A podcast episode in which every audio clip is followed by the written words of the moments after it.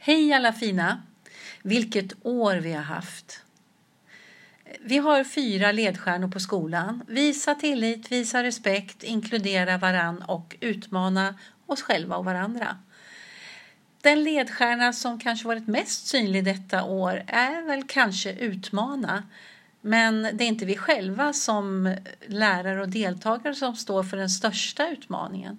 Det är det illasinnade virus som skapat en pandemi som i sin tur skapat kaos i en hel värld.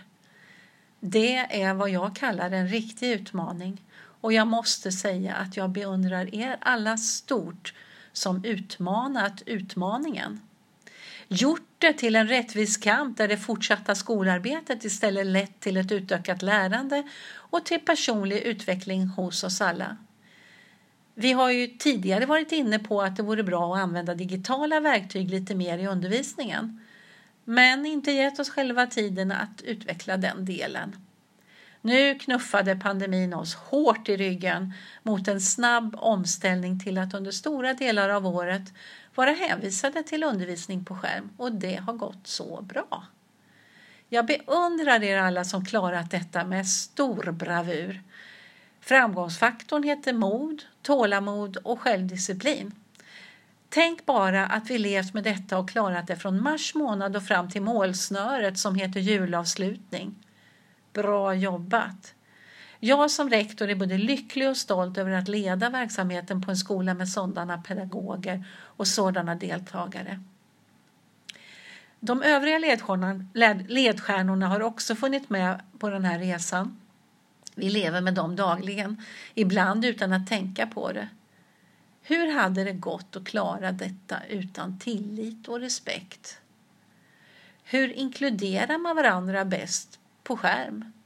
Det tror jag ni alla har svaret på vid det här laget. Så var det då vårt läsårstema, rörelse. Hur har det gått med det i en tillvaro där vi knappast ses live? Jag tänker inte försöka ge svaret på det nu, men utmanar dig att fundera lite över det.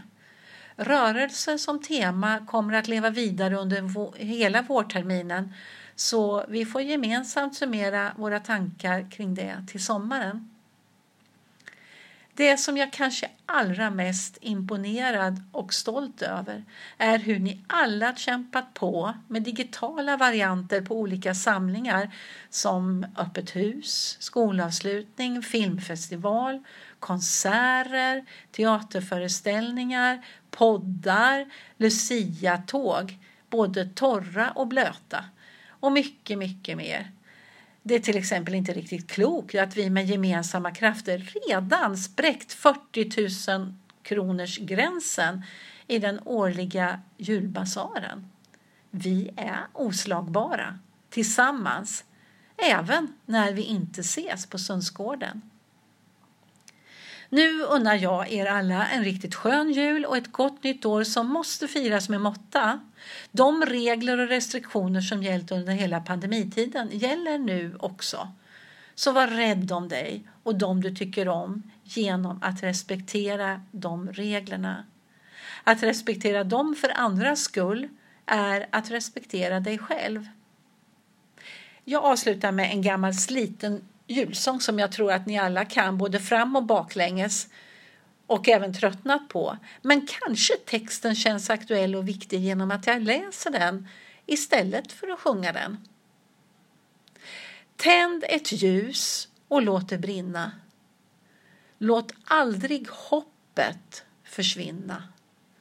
Det är mörkt nu, men det blir ljusare igen.